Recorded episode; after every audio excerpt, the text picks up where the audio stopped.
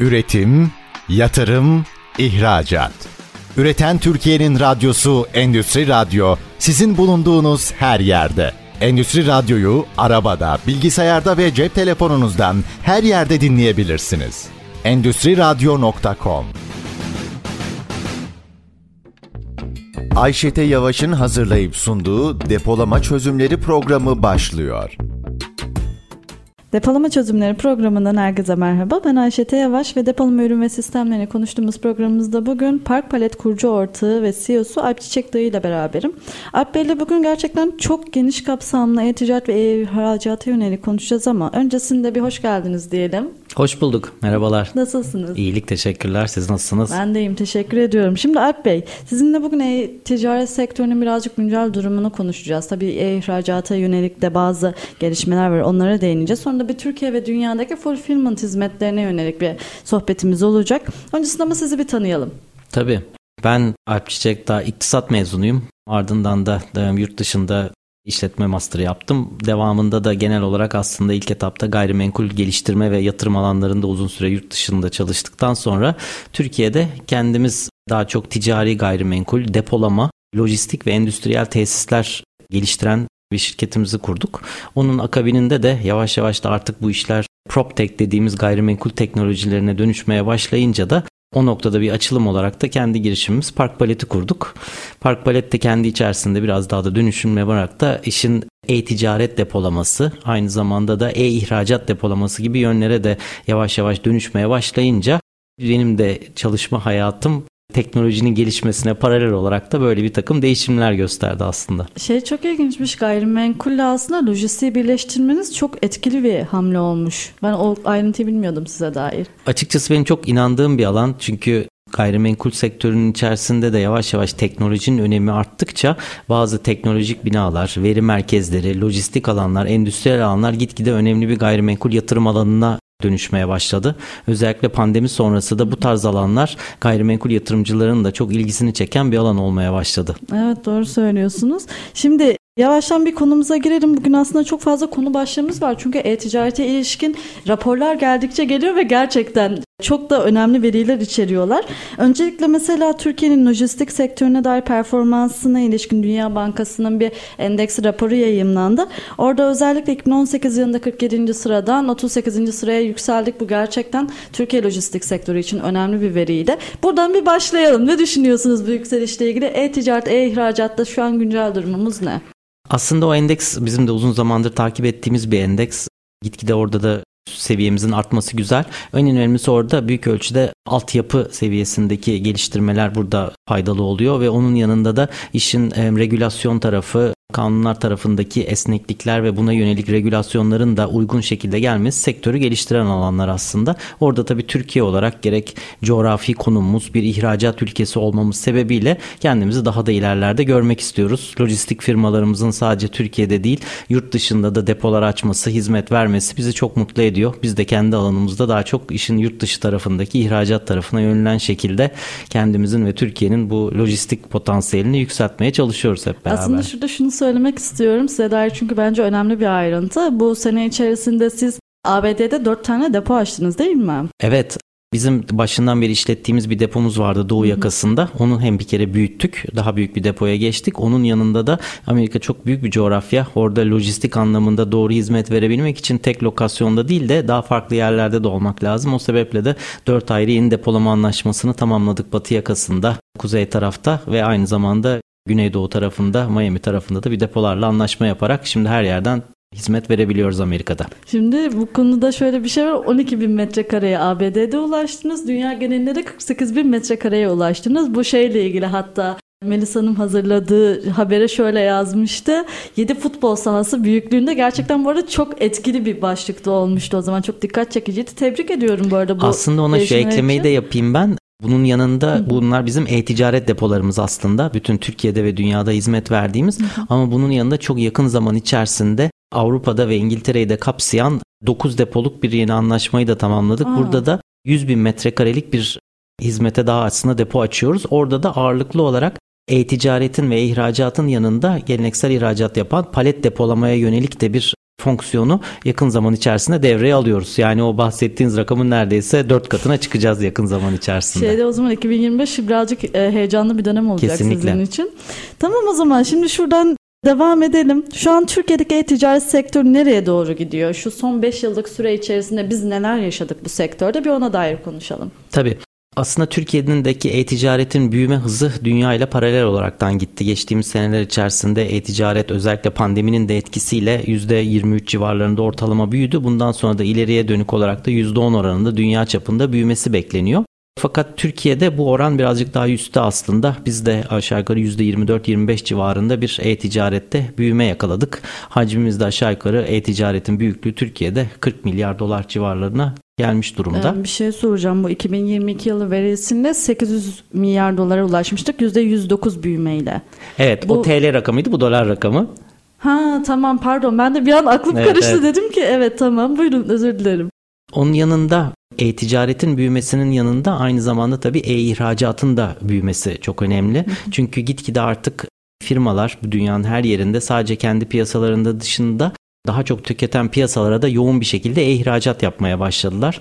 Türkiye'de aslında bu kavramın içerisinde hızla ilerlemeye başladı. Gene de daha çok büyüyecek yerimiz var. Şey Ee, gibi bu başta çeken hani ilk önce tabii ki giyim sektörü hazır giyim hani başı çekiyor. Onun haricinde elektronik pazarı gerçekten çok büyük. Bir de ben şeye şaşırmıştım okuduğum zaman otomotiv sektörüyle bir sektör daha vardı.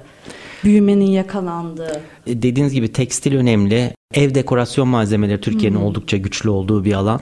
E, mobilya tarafında, demonte mobilya tarafında firmalarımız aslında çok güçlü ve orada da ihracata yönelik paketlemeler ve planlamalarla güzel hacimler yakalamaya başladı. Ama bunun yanında otomotiv başlı başına önemli bir alan. Büyük firmalarımız yurt dışında direkt otomotiv yedek parça üreticilerimiz kendi depolarını da açmaya başladılar. O alandaki gücümüzü artık yurt dışına da yansıtmaya başladık. Şey aslında bu şeyde çok sevindirici. Sanayi tarafında da biz otomotiv aslında bayağı bir hani şey sağlam bir kolumuz yani çok başarılıyız. Bunu e-ticarette de gözlenmesi benim çok hoşuma gitmişti aslında. Evet yani hoşuma giden bir konuydu. Evet şimdi şuradan devam edelim o zaman. E-ihracatın hangi modelleri var? Yani burada nelerden bahsedebiliyoruz? Biraz bu konu hakkında bir bilgi alalım mı? Tabii. Türkiye aslında zaten ihracatın gayet yoğun bir şekilde yapıldığı bir alan ama daha çok biz toptan B2B dediğimiz şirketler arası ihracat tarafında yoğunuz. E-ihracat tarafına geldiğinizde aslında ürünlerin perakende pazarlarda tekil olarak satılması gündemde. Böyle olunca da başlıca yapılan ilk pazara girişlerde önemli olarak kullanılanlar pazar yerlerinin depolama fonksiyonlarında ticaret yapılması. Öyle olduğu zaman da birçok önde gelen dünyadaki pazar yeri aynı zamanda depolama hizmetlerini de veriyorlar. Buradan direkt Türkiye'den o pazar yerlerinin depolarına doğru gönderim yapıp o süreçleri onlar üzerinden yönetmek çok tercih edilen bir yöntem. Biz burada bunu destekleme adına hem Türkiye'den doğrudan pazar yerlerine teslimatları yapıyoruz. Pazar yerlerinin depolarına oradan dağıtım yapılıyor. Ama aynı zamanda da yine hacimli olarak kendi depolarımıza yollayıp oradan pazar yerlerinin depolarına teslim ettiğimiz e, FBA gibi modeller uygun olarak kullanıyoruz. Bunun yanında da işin hacmi daha da arttıkça bu zamanda direkt doğrudan fulfillment dediğimiz ürünlerin bizim depolarımızda saklandığı, buradan Türkiye'den gene gönderimini yapıyoruz. E, Konteyner bazlı olabilir, palet bazlı olabilir gönderimlerini yapıyoruz. Oradan doğrudan sipariş düştükçe pazar yerlerine entegre çalışan e, yazılımımız sayesinde oradan yurt dışı kargolarımızla son tüketiciye teslim edip iadelerini yönetiyoruz. Yani burada farklı farklı modeller var. Dediğim gibi pazar yerlerinin e, sistemleri üzerinden gitmek ya da doğrudan göndermek. Bir de aynı zamanda şu da çok mevcut. Bizim yoğun bir şekilde özellikle pandemi döneminde çok yaptığımız, hala da yapmaya devam ettiğimiz doğrudan Türkiye'den satış yapıldıktan sonra son tüketiciye gönderilmesi. Türkiye'den tekil kargolar şeklinde. E orada ama şey çok fazla değil mi? Kargo maliyeti nasıl oluyor o noktada tekil kargolarda? Orada işte ürünün hacmi, e, mal bedeli, mal bedelinin içerisindeki kargo rakamının farklı farklı rakamları var. Aslında bunların hepsinde bizim özellikle sunduğumuz ana hizmet de bu farklı ihracat modlarının hepsinin lojistiğine destek verebiliyor olmamız önemli.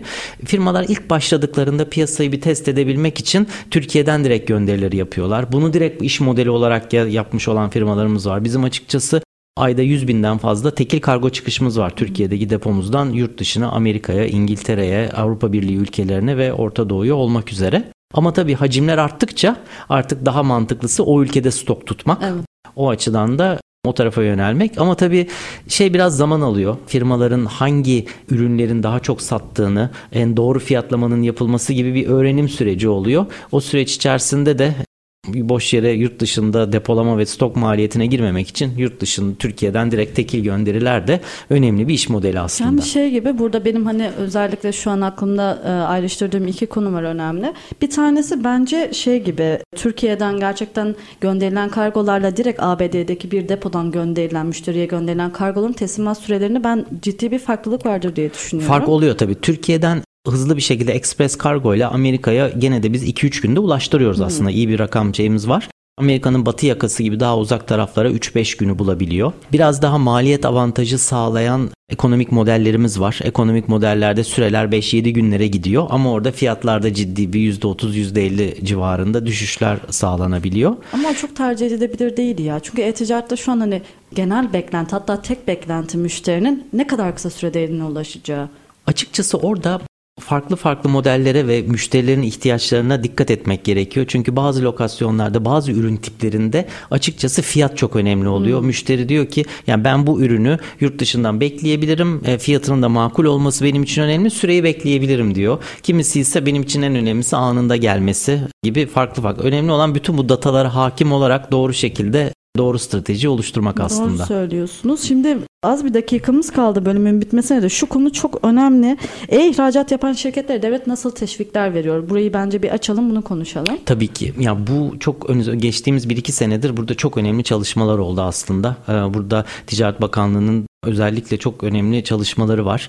Burada hem firmaların pazar yerlerinde yaptıkları satışlar ve oradaki pazarlama giderlerinden tutun depolama ihtiyaçlarına biz gibi firmalardan aldıkları depolama hizmetlerinin geri alınması gibi teşvikler şu anda çok ön planda. O yüzden de e, ciddi çalışmalar var. Biz bu konuda müşterilerimize her türlü bilgiyi veriyoruz ama kesinlikle Bize de Bize vermiyorsunuz? E, şöyle yani dediğin gibi yani burada her farklı farklı alanlarda hem pazarlaması hem lojistiği oradaki şirket kurumları birçok farklı alanlarda ciddi teşvikler söz konusu. Onun yanında daha da büyük hacimli yapılara ulaşıldığında da marka destek, Türk Quality gibi katkılarla da faydalanan çok fazla büyük çaplı firmalarımız var ama artık o iş sadece büyük firmalardan devlet destekleri daha orta ölçeklere, kobilere evet. ve ufak firmalara da yansımaya başladı. Ben o gelişmeleri çok takdirle karşılıyoruz. Orada Ticaret Bakanlığımızın çalışmaları gerçekten çok değerli. Evet çünkü şey şu noktada hani büyük ölçekli şirketler gerçekten hani bu işi yürütebilecek bir sermaye ve kaynağı sahip olabiliyorlar ama hani bu e-ticarete, e-ihracata yeni başlayacak olan küçük ölçekli firmalar için bu teşvikler ciddi bir değer taşıyor. Çünkü hani o pazara bir girebilmeleri gerek. Hani büyüyebilmeleri için önünün açılması gerek. Şimdi bu küçük orta ölçekli işletmelerde e-ihracatın önemi nedir? Bir ona da değinelim. Çünkü bir şirketin büyüyebilmesi için artık diğer pazarların ne kadar açılabildiği ve ürünleri ne kadar pazarlayabildiği çok ciddi bir önem taşıyor. Burada hani ufak doneleriniz var mıdır? Hani bunları paylaşabilir misiniz? Tabii ki. Şimdi iş e-ihracata ve oradaki e, tekli bireysel perakende satışlarına vardığı zaman oradaki marjinler çok daha yüksek oluyor toptan satmaya nazaran. Bizim firmalarımız tabii ki yurt dışında çok piyasaya toplu olarak satışlar yapıyorlar ama iş eğer e-ihracata geçtikleri zaman yani kendi markalarını yaratıp o markalar üzerinden yaptıklarında çok daha yüksek marjlara ulaşabiliyorlar. Biz burada daha çok geri yerdeyiz aslında. Bırakın e-ihracata, e-ticarete girmiş kobilerimizin sayısı bile daha %25 seviyelerinde. E-ihracata girmiş olanlar ise %4 seviyelerinde. Yani bizim Türkiye'nin aslında bir kobi ülkesi, ekonomisinin gayri safi milli hasılasının büyük çoğunluğunun kobilerden geldiğini düşünürseniz Orada daha gidecek çok yolumuz var. Fakat ben çok hızlı bir değişim görüyorum burada. Hem daha geleneksel aile şirketlerimiz özellikle yeni kuşakları e-ticarete çok açıklar. E-ihracatı bazen onlar kendi ayrı şirketler kuraraktan kendileri yapıyorlar. O yüzden de ben hızlı bir şekilde büyüyeceğini düşünüyorum ama kesinlikle firmalarımız e-ihracatın potansiyelini keşfetmeye çalışsınlar. evet güzel oldu bu. Güzel de bir yönlendirme oldu aynı zamanda. Şimdi birinci bölümün sonuna geldik maalesef. Şimdi ikinci bölümümüzde Türkiye'deki fulfillment hizmetleri, fulfillment sektörü bunlara dair konuşuyor olacağız. O yüzden bizden ayrılmayın. Görüşmek üzere. Üretim, yatırım, ihracat. Üreten Türkiye'nin radyosu Endüstri Radyo sizin bulunduğunuz her yerde. Endüstri Radyo'yu arabada, bilgisayarda ve cep telefonunuzdan her yerde dinleyebilirsiniz. Endüstri Radyo.com Depolama Çözümleri programından herkese merhaba. Ben Ayşe Yavaş ve bugün Park Palet kurucu ortağı ve CEO'su aynı zamanda Alp Çiçek Dayı ile beraberim. Alp Bey ile programımızın ilk bölümünde e-ticareti ve e-ihracata ilişkin konuştuk. Çünkü gerçekten son dönemin önemli gündem maddelerinden ve gerçekten bu alanda bu sektörde ciddi bir büyüme yaşanıyor. Programımızın bu kısmında da Türkiye'deki fulfillment, lojistik ve depolamaya ilişkin konuşacağız. Şimdi ben sözü Alp Bey'e bırakacağım çünkü alacağımız çok fazla bilgi var ondan bu konu hakkında. İlk önce şeyi açıklayalım bir. Fulfillment, lojistik tam olarak ne anlama geliyor? Bir bunu parantezde anlatalım. Tabii. Türkiye'de e-ticaret hızlı bir şekilde büyümeye başladıktan başladığında aslında firmaların ve e-ticaret satıcılarının ilk konusu işte nasıl satacağım konusuydu. Bu nasıl satacağım sorusunun cevabını büyük ölçüde çözümleri pazar yerleri tarafından geldi. Yeni yeni birçok pazar yerimiz oluşmaya başladı. Yurt dışından büyük pazar yerleri Türkiye'ye girmeye başladı. O bir şekilde artık satış konusu bir sisteme oturdu pazar yerleri sayesinde. İkinci konu epek sattım nasıl göndereceğim? İkinci bu konuda bu gündeme geldi. Orada da e, geleneksel kurye firmalarımız, kargo firmalarımız hızlı bir şekilde kendilerini adapte etmeye başladılar. Normalde aslında kargo sadece kişilerin, firmaların birbirine gönderdiği dokümanlardı. Bir anda çok ciddi anlamda satışların artık bu kargo firmaları tarafından gönderilmesi başlandı. Kargo firmalarımız bu durumda kendine ciddi teknolojik ve altyapı yatırımları yaptı. O da yavaş yavaş çözülmeye başladı. O eski işte Kasım dönemlerindeki büyük patlamalar azalmaya başladı. Artık yönetilebilir bir seviyede. Şimdi üçüncü ayağı bu aslında e-ticaret, lojistiğinin e-ticaret en önemli ayağı şimdi işin depolama tarafı olmaya başladı. Çünkü hacimler arttıkça bunların firmaların kendi geleneksel depoları üzerinden çıkması yönetilemez bir hale gelmeye başladı. Şimdi birazdan aktaracağım fulfillment depolaması ile normal geleneksel üreticinin deposu arasında çok ciddi operasyonel farklılıklar var. Bunları aynı yerden yapmak ciddi problemlere yol açmaya başladı. Ya da bu işe kendisi bir marka yaratmış gönderen firmalar işte bunları evinden ofisinden yapıyordu o yönetilemez hale gelmeye başladı. Ve en önemlisi de işin hız tarafı. Burada entegre bir şekilde çalışarak siparişlerin anında düşüp çıkışların yapıldığı teknoloji sistemleri gerekmeye başladı. Bu doğrultuda ben kesinlikle yani bu geçtiğimiz senelerden beri fulfillment lafı ya da sipariş hazırlama depoları dediğimiz evet. terminoloji hayatımıza girmeye başladı ve bundan sonra da işin e-ticaretin verimliliğinin arttırılması, bunun yanında işte satıcı puanlarının pazar yerinde artması gibi kritik konuların en önemli şeyi hızlı bir şekilde e, siparişin hazırlanıp kargoya kargoya verilebilme süreçleri. İşte bunları yönetenler de fulfillment depoları olmaya başladı. Peki bu fulfillment ya da sipariş hazırlama deposu dediğimiz depoların normal bildiğimiz depolardan farkı nedir? Hı hı. Normal aklınıza depo dediğiniz zaman işte raflar, Üzerinde paletli paletli saklanan ürünler forkliftler alıyor toplanıyor.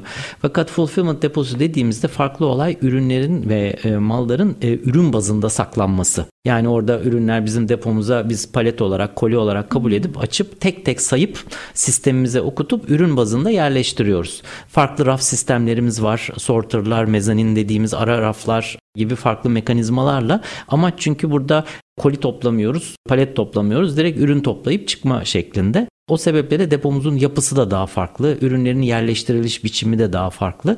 Bu temel farklılığı aslında bu ürün bazında toplayıp çıkartılabilmesi ve burada çalışanlarımızın ya da e, robotik sistemlerin en hızlı şekilde depolarda ürünlerin toplanıp hatasız bir şekilde çıkışının sağlanması. E, fulfillment'ın aslında temel amacı bu. İçerisinde mal kabul, farklı farklı saklanma ve çıkış ve daha sonra da tabii ki işin ayrılmaz bir bölümü olan iade yönetimi. Şimdi Çünkü... şöyle bir şey var araya gireyim. Ben geçtiğimiz günlerde Türkiye'deki gerçekten çok eski bir lojistik şirketinin hatta belki de en eskisi olabilir. E-ticaret deposuna gittim. Orada kendime bir gözlem yapma şansım oldu. Şöyle bir şey. E, çoğunlukla tabii ki ayakkabı gibi, giyim gibi firmalarla çalışıyorlar ve mesela depoya girdiğimde yine mezanin sistemler vardı. Mezanin sistemleri şey yapmışlar. Mesela askılarla ürünler asılmış. Asla bir palet yok. Söz konusu değil. Mesela işte ayakkabılar böyle kutularla işte birbirinin üzerine konmuş gibi ve şöyle bir şey var. Bu testin önemi neydi?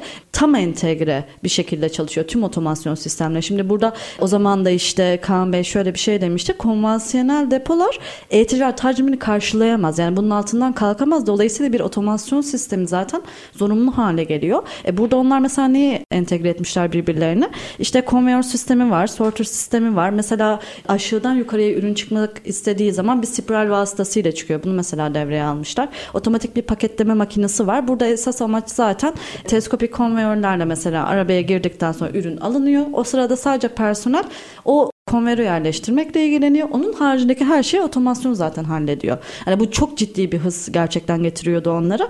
Böyle bir araya girmek istemiştim. Bu şeyle ilgili fulfillment kavramı gerçekten hani çok yaygın kullanılan bir kavram değil ama yeni yeni hayatımıza girdi ve bence de çok geleceği olan bir alan. Yani depoculuk için özellikle çok geniş bir alan açtı. O şekilde düşünüyorum ben. Şimdi o zaman şöyle bir şey yapalım. Fulfillment depolarında bu pazar yerlerinin entegrasyonu çok önemli. Çünkü o stokların sürekli güncel tutulması gerekiyor. E-ticaret altyapısı ve depo yönetim sistemlerinin bütünleşik bir halde olmasını, bu teknolojik olgunluğun önemi nedir? Nasıl ortaya çıkıyor operasyonlarda? Aslında işin tamamen en anahtar tarafı bu. Çünkü. Otomasyon sistemleri hacimle farklı şekillerde düzenlenebilir. Fakat eğer e, satış kanallarına diyelim sadece pazar yerleri değil pazar yerleri e, onun yanında da e, kendi sitesi üzerinden satan firmaların farklı farklı kullandıkları e-ticaret altyapılarına entegre ve aynı zamanda bunun da depo yönetim sistemlerine entegre bir şekilde çalıştığı bizim orada sipariş yönetim sistemi ve e, depo yönetim sisteminin beraber çalıştırdığımız bir sistemimiz var.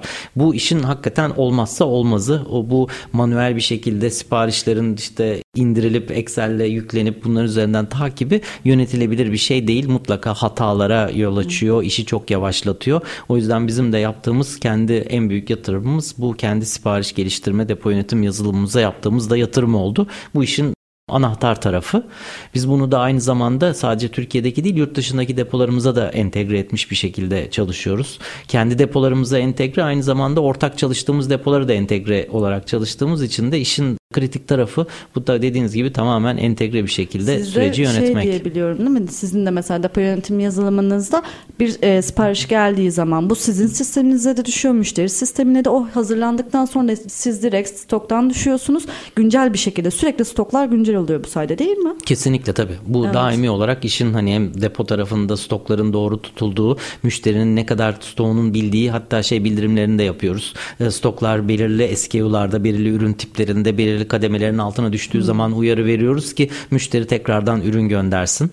Bu bir bayağı de, bir kolaylaştırıyordur işlerini. Tabii ki. Yani aslında şöyle yani bizim bu işin anahtar tarafı bir de depo dediğiniz zaman adı sanki depo stok tutmak ürünlerin durduğu alan ama aslında bizim buradaki kritik noktamız ürünlerin çıkışı.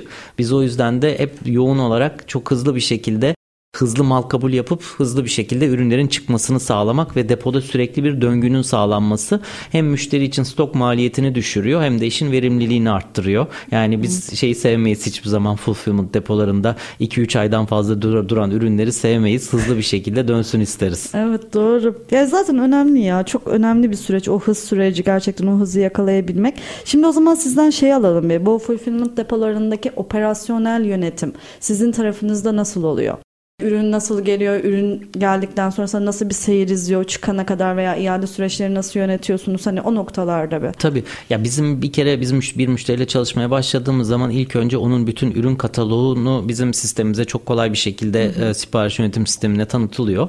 Ardından da onunla ilgili ilk parti göndereceği malların da mal kabulü için bildirimimi de gene sistemden yaptıktan sonra ürünler gönderiliyor. Biz onları alıp o mal kabul listesine göre tek tek okutup uygun raflara ve ona uygun farklı farklı boyutlardaki raflara yerleştiriyoruz. Ardından da müşteri çok basit bir şekilde kendi pazar yeri hesaplarını, kendi e-ticaret altyapısı hesaplarını bir tıkla direkt bizim sisteme bağlıyor. Ardından da siparişi açtığı anda da otomatik olarak siparişler düşüyor. Biz oradan toplayıp çıkartabiliyoruz. Hem gerek e, bizim kendi kargo anlaşmalarımız gerek müşterinin kendi kargo anlaşmaları üzerinden de bu çıkışlar sağlanıyor. İadeler olduğu zaman da orada iadeleri hem basit bir kalite kontrolden istenirse daha detaylı kalite kontrolden geçirerekten tekrar stoğa alıyoruz. Eğer basit tekrar paketleme, tekrar etiketleme gibi işlemleri yapabiliyoruz. Katma değerli hizmetler dediğimiz farklı hizmetleri Hı, yapıyoruz. Evet doğru ürün birleştirme, ürün bozma gibi farklı farklı hizmetler içerisine işte hediye kartı eklenmesi, farklı insertlerin eklenmesi, değişik paketleme standartları onlar da çok önemli. Çünkü özellikle biz Butik markalarla da çok çalışıyoruz. Farklı paketleme ihtiyaçları oluyor. Biz mutlaka öncesinde onu müşterimizle oturarak o farklı paketleme standartları nasıl olması gerektiğine beraber karar verip ondan sonra da onun eğitimlerini veriyoruz ki hızlı bir şekilde hatasız paketleme ve çıkışı sağlayabilelim. Anlıyorum. Akıcı anlattınız ve bence herkesin e, kafasında şu an oturmuştur o süreç nasıl işliyor diye. Ben şimdi şu kavrama bir değinmek istiyorum. Da ben geçen gün bir otomasyon teknolojileri semineri vardı. Lojistikli otomasyon teknoloji semineri. Oraya gittim. Orada aslında bu kavram bir ele alındı. Sektörde de hani fulfillment bile çok yeni bir kavramken fulfillment 4.0'a şimdi geçtik. Şimdi bu fulfillment 4.0'da neler ön plana çıkıyor? Bu neden bu kadar gündemde? Bir onlarla ilgili görüşlerinizi alalım mı sizin? Aslında orada tamamen bu bahsettiğimiz entegrasyonla çalışan sistemlerin mümkün olduğunca manuelden uzaklaşmış sistemlerin bunun yanına da aynı zamanda e, robotik e, farklı şekilde sorterların çalıştığı işte toplama arabalarının daha akıllı hale getirildiği bu işin içerisinde teknolojinin seviyesini arttırmanın çok farklı yolları var aslında. Full robotik olması da gerekmiyor. Gene manuel çalışanlar olabilir ama onları teknolojiyle destekleme, giyilebilir teknolojilerin etkilenmesi, eklenmesi gibi farklı aktivitelerle işin içerisindeki teknoloji boyutunu arttırdıkça verimlilik arttırıyor oluyor aslında işin birazcık da özü bu. Şimdi şöyle bir şey var özellikle bu e-ticaret yönelik olarak şey şu an e, çok fazla geliştiriyor EMR robotları mesela. Bu hani şimdi açıklayayım birazcık EMR robotu nedir? Şimdi bunlar doğal navigasyonla hani ilerliyorlar. Dinleyicilerimize açıklıyorum bu arada. şimdi şey gibi bu Deponun içerisinde mesela bir yerden bir yere ürün gidecekse bunları kendileri karar veriyorlar ve kendileri hani götürüyorlar ürünleri. Gerçekten bu noktada EMR teknolojisinde bir gelişme var. Onun haricinde de bu hani ECV'lerden birazcık uzaklaşılmaya başlandı. Çünkü EMR daha hani gelişmiş bir teknoloji olarak görülüyor. Sipariş toplama mesela sistemlerinde şu an hani benim gördüğüm kadarıyla sadece e-ticarete özelleşmiş çeşitli geliştirmeler var. Zaten depo yönetim yazılımlarında çok ciddi bir sıçrama yaşanıyor. Böyle başka bir teknoloji var mı benim hani aklıma gelmeyen? Açıkçası ben şeyleri de önemsiyorum. Bu akıllı toplama araçları, farklı farklı ürünlerin çok sayıda yani az çalışanın çok sayıda ürünü hızlı bir şekilde topladığı. Zaten yazılımların içerisinde mutlaka bir rotalama ve hızlı toplama e, fonksiyonları evet. da devreye giriyor. Ama ben açıkçası teknoloji şirketi ve işimiz teknoloji ama bunun içerisindeki boyutları atlamaktan daha önemlisi aslında e-ticaret satıcılarının bu işi ehline bırakmasıyla zaten bir, bir ciddi anlamda boyut atlayacağımızı düşünüyorum. Doğru söylüyorsunuz. Çünkü üzerlerine ciddi bir yük hani alınacak. Bunu da yani öngörebilmeleri gerekiyor. Şimdi şöyle bir şey var. Programımızın şu an sonuna yaklaşıyoruz ama size şey de sormak istiyorum. Şu an Türkiye'de fulfillment hizmeti veren çok fazla şirket yok diye biliyorum ben yani. Çok fazla yok açıkçası. Yani burada bir geleneksel lojistik depolama firmalarımızın şeyleri var. Açtıkları e-ticaret depolama merkezleri var. Bizim gibi sadece işin fulfillment tarafında çalışan e, depolama merkezlerimiz var ama biz zaten genel olarak depolama alanında Türkiye olarak dünyanın birazcık gerisindeyiz. Aa. Yani bizim şu anda kabaca toplasanız yani dünyadaki şu andaki toplam depolama alanı takribi 1.1 milyar metrekare civarında. Biz ise 20 milyon metrekare civarındayız. Hani Türkiye'nin ekonomisinin dünya ekonomisindeki içindeki orana baktığınızda o oranın çok daha altındayız biz. Orada bizim yani yakın zaman içerisinde depolama alanlarımızın en az iki katına çıkması gerekiyor. O iki katına çıkmanın içerisinde de özellikle e-ticaret depolama alanlarının çok artması gerekiyor. Çünkü hala birçok firmamız işte kendi deposundan, ofisinden e, veya işte daha ufak satıcılarımız evlerinden bu işleri e, yapmaya devam ediyorlar ama burada işin verimliliğini, hızını arttırmak için e, fulfillment depolarıyla çalışmak gerçekten çok hayat kurtaracak. İşte insanın çünkü e-ticaretteki önemli olan şey sizin doğru ürünü doğru fiyatla doğru pazarda satmanız. Evet. Yani satıcının aslında veya üreticinin yoğunlaşması gereken taraf o. Halbuki öbür tarafta işte lojistikle e, ve işte bunu nasıl gönderirim, nasıl depolarım bunlarla çok ciddi zamanlar kaybediliyor. Şimdi şöyle bir şey vardı. Bir Türkiye'deki hani gelişmelerden bir tanesi şu, şu gri depolama konsepti. Hani bu mesela depolama sektöründe önem yaratan bir gelişmeydi. Gri depolama adına bir işte depolama sistemi geliştirildi. Bu bence bu depo krizine çözüm bulabilecek bir gelişmedir diye düşünüyorum ben. Çünkü hani depo olarak kullanılmaya müsait alanları depo olmasalar dahi bir depolama işlevi e, görecek şekilde yani geliştiriyorsunuz. Bu bence önemli. 25 milyon metrekareydi sanırım okuduğum şey. Önümüzdeki 5 yıl içerisinde 25 milyon metrekareye ihtiyacımız olacak diye. Dolayısıyla burada hani sizin birazcık gayrimenkul hani kökeniniz de var ya hani bu konudaki öngörüler gerçekten çok önemli diye düşünüyorum ben. Çünkü hani sektörde mesela gayrimenkule de hani bilgisi olan bir kişinin farklı bir bakış açısı olur muhtemelen. Şimdi yine bir araya gitmemiz gerekiyor. O yüzden üçüncü kısmımızda dünyadaki e-ticaretin bir güncel durumunu ele alacağız. E, bizden ayrılmayın. Üretim, yatırım, ihracat. Üreten Türkiye'nin radyosu Endüstri Radyo sizin bulunduğunuz her yerde. Endüstri Radyo'yu arabada, bilgisayarda ve cep telefonunuzdan her yerde dinleyebilirsiniz. Endüstri Radyo.com Depolama Çözümleri programından herkese merhaba. Ben Ayşe T. Yavaş ve depolama ürün sistemlerini konuştuğumuz programımızın son kısmındayız. Bugün Park Palet kurucu ortağı ve CEO'su Alp Çiçek Dayı ile beraberim. Alp Bey'le gerçekten çok keyifli ve bir o kadar da hızlı dolu dolu bir program geçiriyoruz. Programımızın ilk bölümünde radyoyu yeni açanlar için böyle kısa bir bilgilendirme yapayım. E-ticaret ve e-ihracata yönelik konuştuk. Şu an Türkiye'nin aslında lojistik sektöründeki performansı her geçen yıl artıyor ve e-ticaret, e-ihracat rakamlarında gerçekten çok sevindirici gelişmeler var. Yani rakamlarda çok iyileşmeler var. Bunlara ilişkin konuştuk. İkinci kısmımızda da Türkiye'deki fulfillment depoları ve hani buradaki işleyiş nasıl bunlara dair konuşmalarımız oldu. Şimdi son kısmımızda da bir dünya genelinde yani dünyada bir bakalım fulfillment nasıl onu konuşuyor olacağız. Alp Bey'e sözü bırakıyorum ben. Evet Alp Bey şimdi dünyada fulfillment ne halde? Nasıl gelişmeler var bir onları alalım sizden. Genel olarak aslında lojistik depolama ve e-ticaret depolama sektörü çok hızlı bir şekilde büyüyor. Yani bu alana çok ciddi yatırım yapılıyor. Hani biraz işin gayrimenkul tarafından baktığımız zaman hani konut sektörü zaten insanların yaşama alanı o her zaman var. Ama ticari gayrimenkul dediğimizde özellikle ofis alanlarında ve ofis gayrimenkulde ciddi bir gerileme var pandemi sonrası. Benzeri bir şekilde alışveriş merkezleri de biraz daha durağan bir halde artık. Bunun yanında en hızlı büyüyen aslında alan depolama alanı. Çünkü e-ticaretin büyümesi Dolayısıyla yoğun bir şekilde depolama alanlarında büyümesini gerektiriyor. Burada Amerika çok ciddi bir şekilde başı çekiyor. Burada hem farklı büyük lojistik firmalarının depoları, pazar yerlerinin buradaki kendi depoları çok inanılmaz miktarlara ulaştı şu anda. E, bunlar bütün dünyaya yayılmış bir şekilde artıyorlar. En başı çekenler aslında lojistiğin de e-ticaretin de önde olan ülkelerde buna ilgin e, lojistik ve depolama desteği de yoğun şekilde artıyor. Gene başta Amerika, İngiltere, Almanya, Hollanda e, bu ülkeler bütün Avrupa Birliği ülkeleri Dubai'de ve Suudi Arabistan'da da şu anda çok ciddi depolama yatırımları ve e-ticaret fulfillment depolarının yatırımı var. Enteresan bir şekilde Japonya, Endonezya, Malezya buralarda da biz e-ticaret depolarının sayılarının ciddi bir şekilde arttığını görüyoruz. Bunlar aynı zamanda tek tipte de artmıyorlar. Bazıları çok büyük metrekareler içerisinde özellikle pazar yerlerinin depolama alanları her biri 100 bin 150 bin metrekareyi aşan tekli depolama alanları var.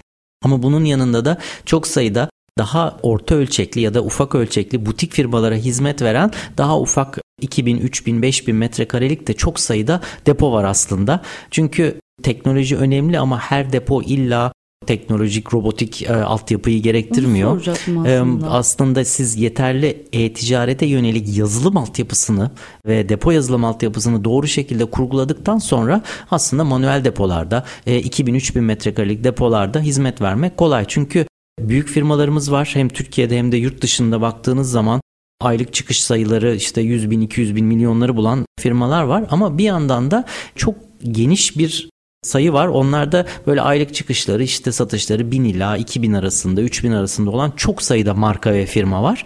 Bunlar da aynı şekilde fulfillment hizmetini çok almaya ihtiyaçları var. Onlara da destek veren çok sayıda orta ölçekli depolama sistemi var. Bunların yanında dünyada olan önemli gelişme aslında bizim firmamız da biraz bu yapıda da gidiyor. Bu çok sayıda bireysel depolama ve fulfillment merkezini birbirine bağlayan e, networkler, ağlar var. Yani bunları tek bir yazılım altyapısıyla birleştirerek firmaların tek bir yapı üzerinden çoklu depodan hizmet almasını sağlıyor. Mesela biz de kendimize bu şekilde bir strateji belirledik. Bizim yurt dışında e, Amerika'da hem kendi işlettiğimiz depolarımız var. Yani kendimiz kiralayıp kendi çalışanlarımızla yönettiğimiz hem de aynı zamanda ortak çalıştığımız anlaşmalı depolarımız var. Bize bir ağ şeklinde bağlı yazılımımıza entegre şekilde çalışan. Bunlardan İngiltere'de, Almanya'da, Hollanda'da, Romanya'da ve Dubai'de ve Suudi Arabistan'da da şimdi geliyor gerekiyor. Bunlar da eklendiği zaman biz çok hızlı bir şekilde büyüyebiliyoruz. Çünkü kendi başınıza depo kiralayıp ekip buraya kurmak birazcık daha zaman alan bir yapı ama piyasa çok hızlı bir şekilde büyüyor. Biz o sebeple böyle hem kendi depolarımız hem de bir network gibi çok daha hızlı bir şekilde büyüyebiliyoruz. Çünkü şunu gözlemledik biz özellikle hani Türkiye'den yurt dışına satış yapmak isteyen firmalar tek piyasada yapmıyorlar bunu. Mesela Amerika'ya giriyorlar hem Amerika'da hem İngiltere'de hem Almanya'da satmak istiyorlar.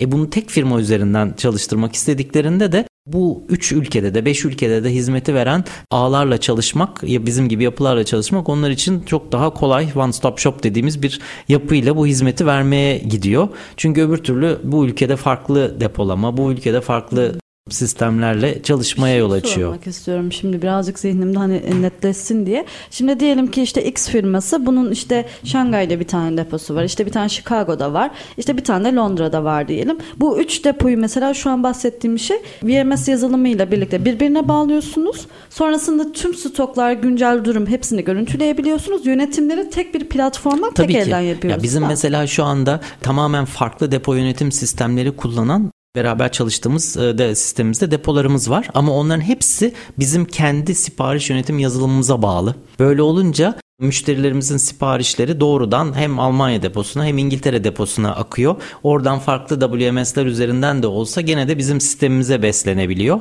Bu işi aslında çok kolaylaştıran ve ciddi değer kattığımız bir taraf. Bir de şey çok küreselmiş. Gerçekten çok küresel yani şey global bir yani e, nasıl diyeyim bir karar. Gerçekten öyle. Tüm çünkü depoları birbirine bağlıyorsun. Bu şey güzelmiş yani. Sevindim bunu duyduğuma. Şimdi şöyle bir şey. e, Şey de ekleyeyim bir de orada size. Yani bu firmalar için şöyle bir kolaylık da sağlıyor. Çünkü bu fulfillment tarafında baktığınızda bunun aslında müşteriler için en zorlayan tarafı fiyatlaması. Yani ben yeni bir piyasaya gireceğim. Bu bir depodan hizmet alacağım ve alacağım hizmetin karşılığında ödeyeceğim fatura ne kadarı anlamak zor oluyor. Çünkü farklı farklı fiyatlamalar yapılıyor. İşte kimisi mal kabule para alıyor, kimisi almıyor, kimisi sipariş çıkışına işte farklı alıyor, kimisi depolamayı metreküpten fiyatlıyor, kimisi ürün başına, kimisi bin başına fiyatlıyor. Farklı farklı yöntemler var. Biz burada mesela bunların hepsini standartize ediyoruz. Çalışma sistemimiz o yüzden çok kolay geliyor firmalara. Mutlaka da bir simülasyon yapıyoruz. Yani sizin aylık datanıza göre bu kadar fatura ödersiniz diyoruz kabaca. Bunlar mesela çok rahatlatıyor firmaları. Tek tip olması gerçekten işi kolaylaştırıyordur bence de. Şimdi şey aslında burada ben hani liderliği üstlenen başlıca ülkeler neler fulfillment hani bunu aslında bir noktada söyledik. ABD dedik zaten e-ticaret, e-ihracat devi. Sonrasında sanıyorum Çin vardı. Başka hangi ülkelerden bahsettik? Biz aslında birazcık şey gibi bakıyoruz olaya. Üretici ülkeler ile tüketen ülkelerin arasında bir lojistik köprüsü gibi görüyoruz birazcık kendimizi. Aslında en fazla üreten büyük pazarlar bu bahsettiğim gibi Amerika, İngiltere çok ciddi büyük piyasa. Ee, Onun yanında Almanya, bütün Avrupa bir başta Almanya olmak üzere Avrupa Birliği ülkeleri ve tabii ki Körfez ve Orta Doğu çok ciddi bir pazar. Özellikle Dubai ve e, Üretici Suudi Arabistan tüketici tüketici ülkeler tarafından. Üreticiler dediğiniz zaman da aslında Türkiye bu anlamda önemli bir ülke. Çin tabii ki bir dev bu alanda. Bunun yanında ama diğer uzak doğu ülkeleri, Hindistan bunlar da aynı şekilde üreten ve yine bu aynı pazarlara satış yapan ülkeler aslında. Böyle bir üreten ülkelerden tüketici ülkelere giden bir şey var. Ya bu şeyde aslında benim Hindistan dediğiniz şimdi aklıma geldi. Bir tane şey var Hindistanlı bir firma var. Sektörde o kadar da eskilermiş ki Türkiye pazarında daha yeni işte geçtiğimiz sene faaliyet göstermeye başlamışlar. Hindistan'da da bu otomasyon teknolojilerinde gerçekten aslında çalışan firmalar varmış. Ben mesela bunu bilmiyordum yani hiç aktif görmemiştim. Şeyi biliyordum İtalyan firmalar otomatik depolama sistemleri İtalyan firmalarda çok fazla firma var da Hindistan'da evet aslında bir takip etmek gerekiyor gündemini. Şimdi şöyle bir şey birazcık yorum kısmına geçeceğiz şimdi. Fulfillment Logist'in geleceğine dair bir düşüncelerinizi almak istiyorum ben. Sizce neler olacak? Gelecek 10 yılda bu sektörden neler beklemeliyiz? Şimdi bir kere bu depolama alanları aslında birazcık ayrışacak da birbirlerinden. Hem büyük depolama bazı alanlarda daha büyük metrekareli depolama alanlarına ihtiyaç olacak. 50 bin, 100 bin, 150 bin metrekarelik birazcık daha şehir dışında ama bunun yanında da birazcık daha şehir içinde de e, mikro depolama, mikro fulfillment alanlarına daha fazla ihtiyaç olacak. Çünkü orada dağıtım çok önemli. Bu toplu alanlardan ufak depolama alanlarına gelip buradan hızlı bir şekilde dağıtılması gibi konular gündeme gelecek aslında. O şey değil mi? Şu an Türkiye'de aslında bu ara depo dediğimiz işte şeyler, mikro center'lar var aslında bizde. Onlar var. Onlar birazcık daha bu büyük piyasadaki hızlı dağıtım yapan firmaların aslında depoları. Ben tam anlamıyla bu fulfillment center'ların da şehir içerisinde işte 500 bin metrekarelik küçük fulfillment center'ların da şehirler içerisinde hızlı dağıtıma imkan verecek araçlar olacağını düşünüyorum. Hatta şimdiden de başladı. Eskiden hiç hayali bile gelmezdi işte New York Çubuk'un ortasında bir depolama alanı, bir fulfillment center. Şimdi bunlar katlı alanlarda bile devreye girmeye başladı. Ben şey merak ediyorum bu arada gerçekten bu yurt dışında mesela işte diyelim ki işte Londra'da bir depo. Orada gerçekten şehrin merkezinde nasıl depolama alanı bulunabiliyor? Mesela bu Türkiye için hiç yani İstanbul'un göbeğinde bir depo bulmak çok çok çok zor bir şey. Yani yurt dışında bu nasıl oluyor? İşte bunları birazcık öngörüyorlar. Birazcık şehir planlamaya ihtiyaç hmm. var bunların içerisinde. Şöyle fonksiyonlar da olabiliyor. Özellikle küçük e-ticaret satıcıları için paylaşımlı ofisler gibi paylaşımlı ofis ve paylaşımlı deponun beraber sağlandığı daha geniş gayrimenkul projeleri de şehir merkezlerine yakın devreye girmeye başlıyor. Tamam o zaman şimdi şey diyelim Birazcık hedef planlara yönelik geçelim artık. Şimdi sizin yakın ve uzun vadeli hedefleriniz neler? Bir onlara yönelik sonrasında ben bunu bir de haber yapacağım. Manşete çıkacak ona göre. E, süper. Dinliyorum. Ya şimdi biraz demin şeyden bahsettim ya e, biz birazcık kendimizi bu sınır ötesi e-ticaret, lojistiği ve fulfillment'ın bir kapısı gibi görüyoruz aslında firma olarak ve yaptığımız temel işte Türk e-ticaret satıcısının, Türk kobi, üretici kobilerinin ve perakende markalarının bu bahsettiğim büyük pazarlardaki e-ticaret satışlarının tüm lojistik altyapısını sağlamak aslında. İleriye dönük olarak Türkiye'de daha bahsettiğim gibi daha kobilerde ve büyüyecek çok pazar var. Hı. Bu bizi zaten şirket olarak çok daha büyütür ama bizim hedefimiz burada kalmak değil bu bahsettiğim diğer üretici ülkelerden de aynı şekilde akışı bu pazarlara sağlamak. Yani önümüzdeki hedef içerisinde Hindistan, Uzak Doğu, Malezya, Vietnam buralara doğru genişleyerek aynı altyapımızı kullanarak Amerika'daki, İngiltere'deki, Almanya'daki, Dubai'deki oradan da satışları buraya sağlayaraktan bizim hedefimiz aslında Türkiye'den bir e-ticaret lojistiği unicorn'u çıkarmak bu yolda hızlı ilerliyoruz. Zaten genç bir şirketiz. 4 senede çok ciddi yol aldık. E, bu büyüme hızıyla 2024'ten itibaren e, artık yavaş yavaş Türkiye'nin dışındaki piyasalardan da bu akışı sağlamaya yönelik planlarımızı Ama yapıyoruz. Ama şey zaten sadece 2024 yılı için 9 e, tane anlaşma yapmışsınız. 9 depo demek ne demek yani? Dünya genelinde şimdi o öncelikle hedef pazarlarınız Hindistan olacak dediniz.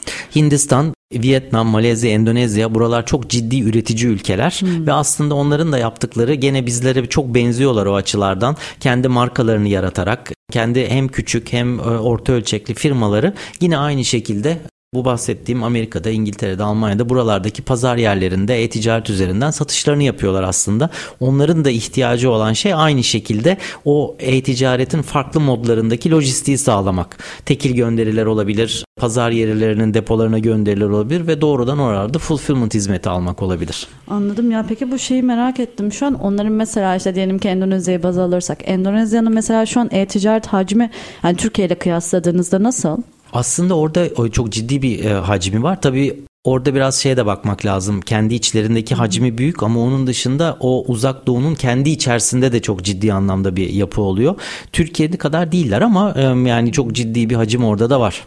Şimdi şöyle bir soruyla devam edelim istiyorum ben programımızın sonuna gelmişken. Eylül ayında en fazla ihracat yapan ülke tabii ki ABD oldu yine. Şimdi bu dünyadaki ihracat devleriyle hani Türkiye'nin ihracat başarısı arasında nasıl bir kıyas yapabiliriz? Bununla ilgili ne düşünüyoruz? Yani bizim e-ihracat olarak hakikaten aslında rakamlarımızda daha gidecek çok yerimiz var. Bahsetmiştik birazcık da hani Amerika çok önde gidiyor ama bütün dünyanın e-ihracat şu anda aşağı yukarı 720 milyar civarında.